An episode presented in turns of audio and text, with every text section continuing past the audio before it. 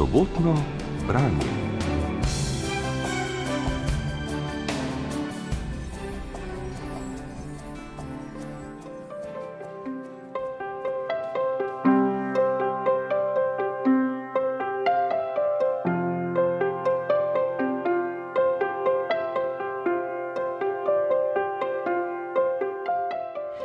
Dragi poslušalci in poslušalke, dobrodošli v oddaji Sobotno branje. Tokrat vam predstavljamo knjigo Shannon Lee, Bodi voda, prijatelj moj, Bruce Lee in njegovo učenje. Išla je pri založbi Primus, uredila jo je Barbara Lipovšek, prevedla pa Vesna Housechild. In s prevajalko, ki trenutno živi v Egiptu, sva se o vsebini knjige in Lijevih učenjih, filozofiji tudi pogovarjali. Glede na to, da je Brusli takšna svetovno znana kulturna ikona, svetovna ikona, ne seveda znan po svojih borilnih veščinah in pa filmski zapuščini, ampak na nek način tudi filozofski mislec. Ta na nek način bi lahko izdala kar uklepaj, ker eh, ta knjiga. Bodi voda, prijatelj moj, ne v Brusuli v njegovem učenju, ki jo je zapisala njegova hči Shannon Lee. Shannon Lee ga zelo čisla, ne svojega očeta, ne, in verjame in pravi, da tudi ni edina, Misli, da ni edina, da je bil njen oče pravzaprav eden izmed najbolj uglednih in prodornih filozofov 20. stoletja. To je pa kar smela izjava. Ja, se strinjam. V bistvu vsi vemo, vsi poznamo Bruselija, tudi tisti, ki se sploh ne ukvarjamo z borilnimi veščinami. Tako da tudi v knjigi ona omenja, da v bistvu se zaveda tega, da ima na nek način to stigmo, da je on pač zvezda. Večina ga pozna, seveda, zaradi akcijskih filmov. Se pravi, da se zaveda, da je on neka zvezda, uh, ki je pač nek Kitajec, ki je uspel v Hollywoodu v času, ko je bilo to skoraj da nemogoče na nek način. Ne? Uh -huh. Po drugi strani je pa pisal, um, je pa pač imel ogromno zapuščino teh zvezkov, kjer je v bistvu poleg tega, da je popisoval vsak, vsakodnevne treninge in vse te vaje, ki jih je pač izvajal in načine um, pač za borilne veščine, ki jih je sam pogruntal. Eh, tudi veliko filozofije. Ampak v knjigi v bistvu ona že na začetku pove, da ne bo šla neki fulo globino. Zato, ker je knjiga namenjena vsem, se pravi tudi tistim, ki jih ne zanimajo borilne veščine, ampak samo delo na sebi in tako naprej. Um, kako pa to, da ste se vi lotili te knjige? Je prišla ponudba ali je bila na vašo inicijativo? Imate kakšno povezavo, to drugačno, ne vem, s karatejem, uh, s filmom ali kako? Torej, ja, drugače imam povezave s filmom na splošno, ker sem pač eh, študirala na AGRFT-ju dolga leta nazaj, tako da me zanima seveda vse v zvezi s pač ljudmi, ki se ukvarjajo s podobnimi stvarmi. Ampak najbolj me je pritegnil naslov. Jaz sem že prej sodelovala s to založbo, se pravi s Primusom. In potem mi je urednica ponudila nekaj naslovov, med drugim tudi tega, in sem na hitro preletela vsebino, ki ponovadi najprej pošljajo, ne pač v PDF, tako da se človek malo pogleda. In me je zelo pritegnilo, no? zaradi same vode, ker je pač moj najljubši element in ima toliko enih metafor v sebi, da mi je bilo že to wow. Seveda, Brusli še dodaten faktor, ne? ker je pač človek, ki je na svoj način izjemen in to je bilo tudi seveda zelo zanimivo prevajati, zaradi tega, ker veš, da boš predal oziroma omogočil ljudem, ki ne znajo recimo tujih jezikov, da se bodo pač seznanili z njegovim delom, z njegovim življenjem in tako.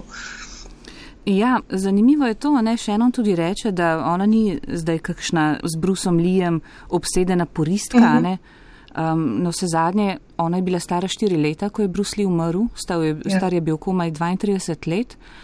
Pravzaprav zdaj, ko sem čitala to knjigo, pa ko sem se spomnila, res je ogromno, tako ogromno slavo, ne? svetovno je doživel, pa res komaj 32 let bil star, morda smo to pozabili, ne? ker je on je res povsod, on je povsod na majicah, eh, na gifih, zdaj, če gremo na, na družabno omrežje in tako naprej, mimi, vse skratka, res.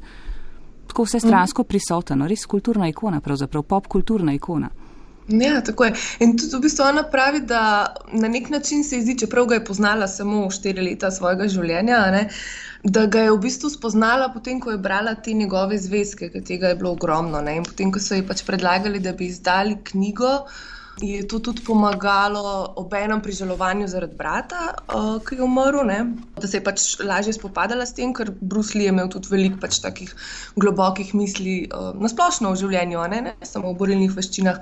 Po drugi strani ga je pa tudi bolje spoznala in tudi potem te njegove nauke aplicirala na svoje življenje, ker ona pač sicer je rekla, da se je malo ukvarjala z borilnimi veščinami, ampak bolj v smislu za pač neko osebnostno rast in razvoj, ne pa zdaj, da bi hotela biti nek profi. Ne? Uh -huh. Zdaj, on je pač eh, ogromno je bral uh, tudi self-help knjige, sprav knjige za samo pomoč in pa razne filozofe. Krišna Mutri mu je bil zelo blizu. Uh, in ga dosta citira, ne, in potem tudi še enem povzema te stvari. Potem njegov prvi profesor, uh, Jip, pač vse tisto, kar mu je on razlagal na zelo tak, bomo rekli, banalen, preprost način, je potem on skozi lastna doživetja uh, pač razdelal in poglobil ne. v nekem čovnu in potem je dal roko v vodo. To se mi je zelo zelo dobro. No? Tako da je pač kot otrok ne, v bistvu imel ta potencial, ga je zanimal in je hotel razumeti. Ne? In je pač potem ugotovil, da voda se pač giblje in premika, ne glede na to, kaj on naredi s svojo roko. In tako je potem začel razvijati to svojo filozofijo. Ne? Tako zelo dobro. Moj oče je začel v Hongkongu pri 13 letih vaditi Chung Kung Fu. Njegov sifu ali učitelj je bil Yip Man, tudi Yip Man, izredno nadarjen mojster, ki je poleg gibov in tehnik bojevanja obvladal tudi taoistično filozofijo in je v svoje učne ure vnašal tudi znanje o principu yin in yang. Učno snov je pogosto razlagal s prilikami o naravi. Bistvo je naprimer ponazoril s primerjavo razlik med hrastom in bambusom. Hrast se bo ob močnem vetru prej ali slej zlomil, bambus pa bo preživel, saj se lahko upogiba po vetru. Oče je bil predan učenec, ki je hitro dojemal snov. Tudi izven tečaja je vadil vsak dan in hitro postal najboljši v razredu. Ne smemo pa pozabiti, da je bil najstnik, najstnik, čigar vzdevek je bil Mousi Ting, kar se prevaja kot nikoli ne sedi pri miru, in čigar kasnejši vzdevek in umetniško ime je bilo Siu Lung oziroma Mali zmaj. Rojen je bil v uri zmaja, v letu zmaja in kot mladenič je bil en sam ogen, čista jank energija. Ipmen se je močno trudil, da bi ognjeni najstnik dojel pomembnost nežnosti, pretočnosti in prožnosti, ne zgolj moči in predkanosti. Treba je priznati, da je oče sicer poslušal in poskušal, tudi njegova vročekrvna narava ob njegovi razdražljivosti je prevladala obenem pa se je spraševal, ali ni bolje zmagati, ne glede na to, katero taktiko uporabiš, kaj naj bi imela nežnost skupnega z zmagovanjem. Nekega dne je Jipmen skušal naučiti Brusa, kako se sprostiti in umiriti svoj um, da bi pozabil na se in raje sledil gibanju nasprotnika. V bistvu ga je želel naučiti umetnosti nenavezanosti, kako se intuitivno odzvati ob napadu nasprotnika, namesto da bi se zataknili v svojo lastno strategijo in obsesivno preračunavali svoje udarce in poteze. Kadar je bil oče samemu sebi v napoto in se je ujel v svojo lastno prebrisanost in borbeno naravo, kadar si je njegov znoj iz nagubenega čela že utiral poče z obrvi in začel kapljati na tla, je Jipmen vedno znova posredoval. Zabičal mu je naj vrčuje z energijo in sprejme situacijo takšno, kot je. Nikoli ne tekmuj z naravo, je rekel. Nikoli ne nasprotuj problemu, raje prevzemi nadzor, tako da se zlije z njim. Naposled je mladega zagnanca vendarle ustavil z besedami: Za ta teden je bilo vadbe dovolj. Pojdi domov in razmisli o tem, kar sem ti povedal. Za ta teden je bilo vadbe dovolj? To je bilo tako, kot bi očetu rekli, naj en teden ne diha. Ker ga je mojster začasno izključil in ni mogel trenirati v skupini, je vadil sam. Obenem je meditiral in si v samoti na vse pretege prizadeval, da bi doumel, kaj mu je govoril učitelj. Bil je nezadovoljen in v njem se je nabiral presežek potlačene energije, zato se je lepega dne odločil, da se z majhnim čovnom odpravi na pomol v Hongkongu in nekako zapolni vsta novo nastali neprostovoljni prosti čas. Čez nekaj časa je nehal veslati, se zleknil v čovnu in pustil, da ga valovi odnašajo po svoje. Med zibanjem si je v mislih še enkrat zavrtel nauke svojega učitelja in razmišljal o tem, koliko časa je namenil treningu. Kaj je delal narobe? Zakaj ni mogel doumeti, kaj mu je govoril učitelj? To ni imelo nobenega smisla. Nezadovoljstvo in jeza sta priplavala na površje. V besu se je nagnil k vodi in nekajkrat boksnil Južno-Kitajsko morje z vso močjo, ki je premogel. Nenadoma ga je prešinila misel, prenehal je boksati in pogledal svojo mokro dlan. O svojem spoznanju je moj oče v eseju zapisal tole. Mar mi ni ta voda pravkar ilustrirala bistva kung fuja? Udaril sem jo, pa ni utrpela nobenih poškodb. Še enkrat sem zamahnil z vso močjo, pa še vedno ni bila ranjena. Na to sem jo poskušal zajeti v dlan, kar se je izkazalo za nemogoče.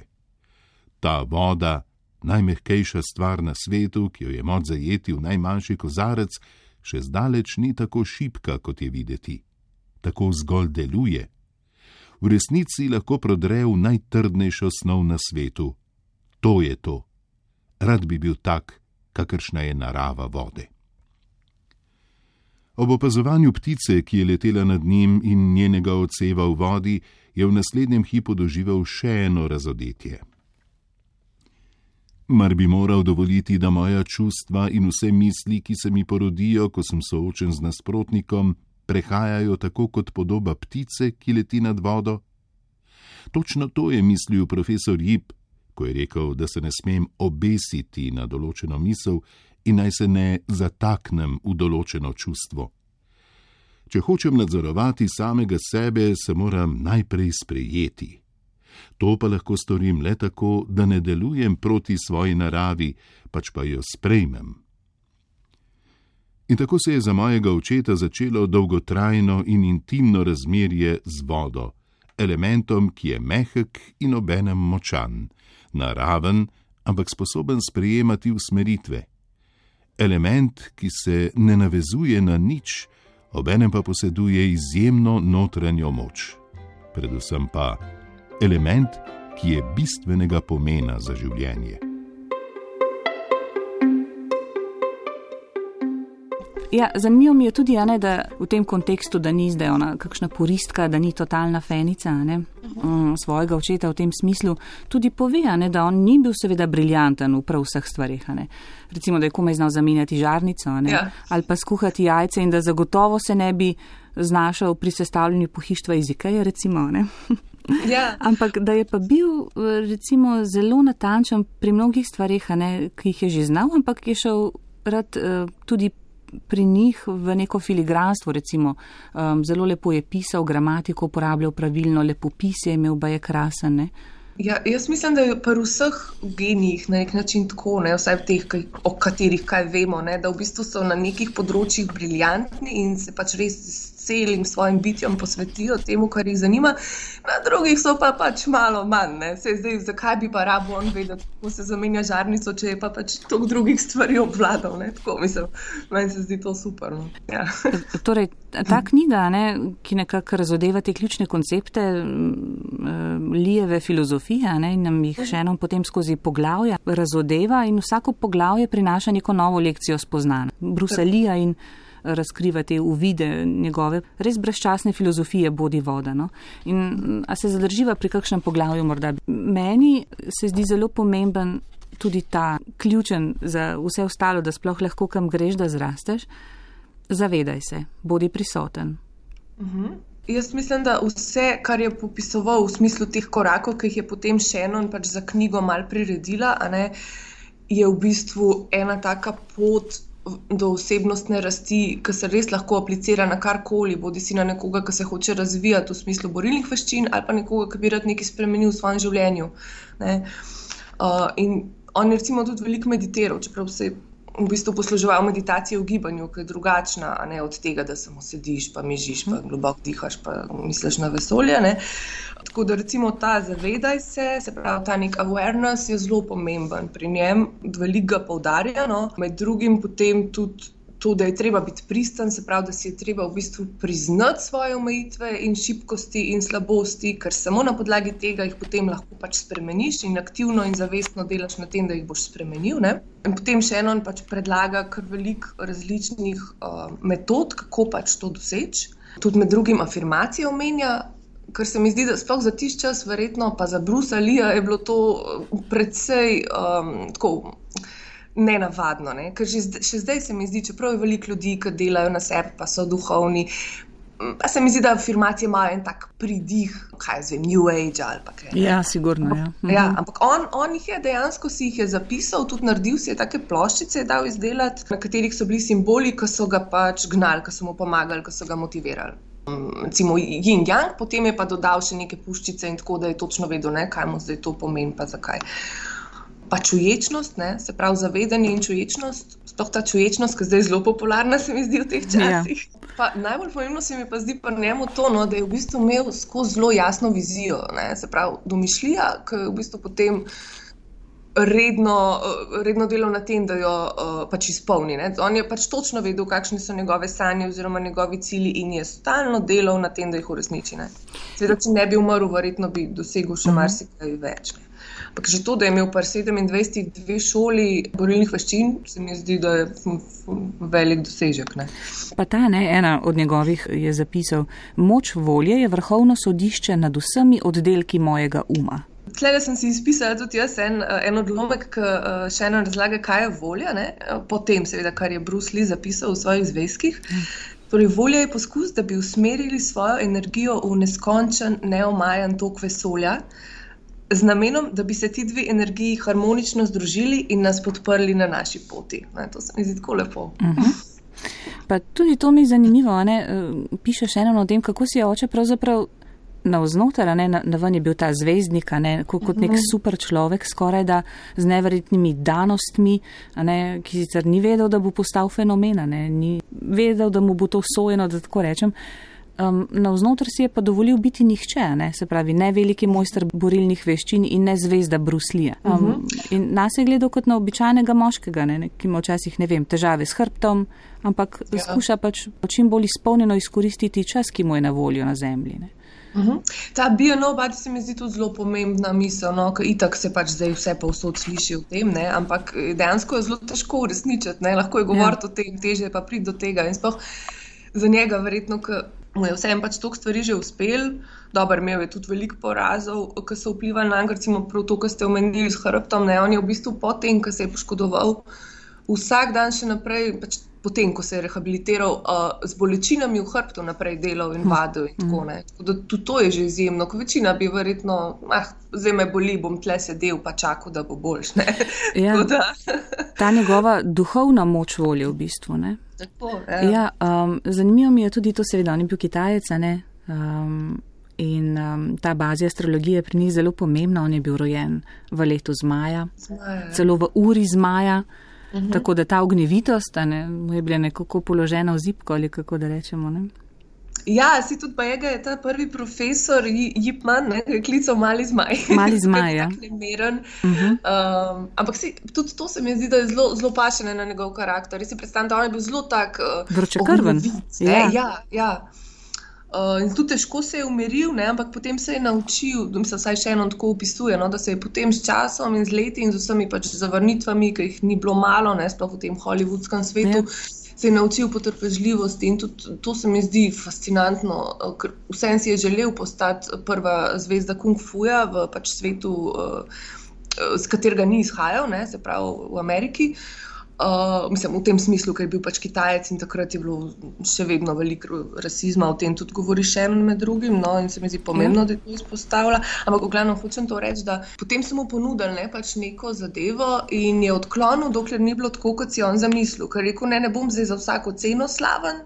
Imam samo še to priložnost, ne, tako je on to doživljal, in bom raje počakal, da bo stvar tako, kot mora biti, ali pa noč. In ni prišel na snemanje. Ne. To se mi zdi ful dobro, da je bil v bistvu vse en tako močen v sebi, da je vse bolj zaupal sebi in, in temu svojemu notranjemu glasu, kot pa nekemu potencialnemu uspehu, ki mogoče bi bil, mogoče pa ne, ker bi se on pač v bistvu izneveril sam sebi. No, ampak čeprav ni imel teh nekih, ne vem. Danosti naravnih, uh -huh. kot morda kdo misli, bil je recimo kratkoviden, tudi precej, uh -huh. mislim, povprečno visok, 170 cm, a ne za moškega, tudi precej suhljat kot otrok in bolehan, ampak on je bil res garač. On je bil garač. Pa še nekaj, kar se mi zdi, da je tako pomembno, da bi morala biti filoruš v, življenju slehrnika, pravzaprav v poglavju tudi piše o tem, navdušenje je vse, a ne? Uh -huh. Da v srcu nositi navdušenje. Ja. navdušenje je božanstvo v nas, ki se nagonsko tudi fizično izrazi. Njegov citat, recimo. Mm, Kater film njegov se vam zdi najbolj pomemben? Joj, to bi zelo težko rekla, tega, ker moram priznati, da ko sem jih gledala, sem imela kar nekaj težav, zato ker se res ne spoznam na borilne veščine. Ne? In sem jih probala gledati bolj kot pač neke um, kultne filme iz določenega časa. S tem, da uh, že samo te zvoki, ki jih dodajo udarcem in to bi se meni pač to. Mogoče se bo slišalo nesramno, v meni je pač to smešen. Glede na to, da pač dala skozi to zgodovino filma in vse, in pač na nek način iz, iz, iz tega vidika poznavanja filmov, mi, ta, mi noben film ni kaj posebej pritegnil. Ampak ko sem pa začela se osredotočati pač na to njegovo tehniko in vse to, je bilo pa pač fascinantno, ampak samo zaradi tega. Razumem. Ja. Ker tukaj ja, umenja to... film v Zmajem gnezdu ne, in upiše tudi nek uh mhm. -huh. prizor v njem. Zato sem mislila, morda, ja. da boste tega omenili. No. A ja, ne, ta, ta je bil v bistvu, pa je, ne, tako je še ena rekla, najbolj nekako popularen, najbolj ja. ga je zaznamoval in ga pač v bistvu potisnil med potencijalne zvezdnike v tistem času. Ne. Tako nekako prelomen je bil za njegovo kariero. Ne. Jaz lahko povem, recimo, kaj je mene osebno zelo pritegnilo in sicer uh, del, kjer še eno govori o žalovanju, se pravi. Uh, vsak ne, od nas se je že kdaj ali pa se bo hmal soočil z izgubo, ki je lahko zelo boleča in traumatična. In tudi za še eno je bila ta izguba brata, v bistvu je umrl zelo um, nenadne smrti na snemanju, pač ga nek, nekaj se je zrušilo na njega in je umrl potem v bolnici. No, ampak tako hočem reči, ta del, kjer to opisuje, kako se je soočala s tem, kakšen šok je bil to, stara je bila 20 let, ne, se pravi, še ne povsem izoblikovana osebnost, če veste, kaj mislim. Ja. Ni bila navajena na take pretrese. V glavnem ta del, kako se ona sooča z žalovanjem, smrtjo in kako potem tudi Bruce Lee prek teh svojih zvezkov in pri tem pomaga. In mi je fulušičen citat njegov, ki pravi: um, Ne vem, kakšen pomen ima smrt, ampak me ni strah umreti. Grem naprej, non-stop se pomikam dalje. Čeprav bom nekega dne umrl, ničesar ne bom obžaloval. Delal sem tisto, kar sem želel in tisto, kar sem naredil, sem naredil iskreno in po svojih najboljših močeh. In to je največ, kar lahko pričakuješ od življenja. Jaz mislim, da tukaj se vse, vse to bistvo Brusalija pokaže. No? Uh mhm. -huh. In je tudi, se mi zdi, tako lepa misel um, za vse nas. Kako živeti, se pravi, na polno in se truditi in delati na tem, da uresničimo, kar si želimo. Nikoli ne vemo, kako dolgo bomo še tu. Ne?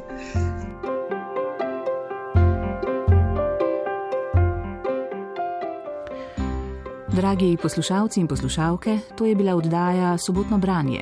Tokrat smo vam predstavili knjigo Shannon Lee, Bodi voda, prijatelj moj, o Brusu Leeju in njegovem učenju.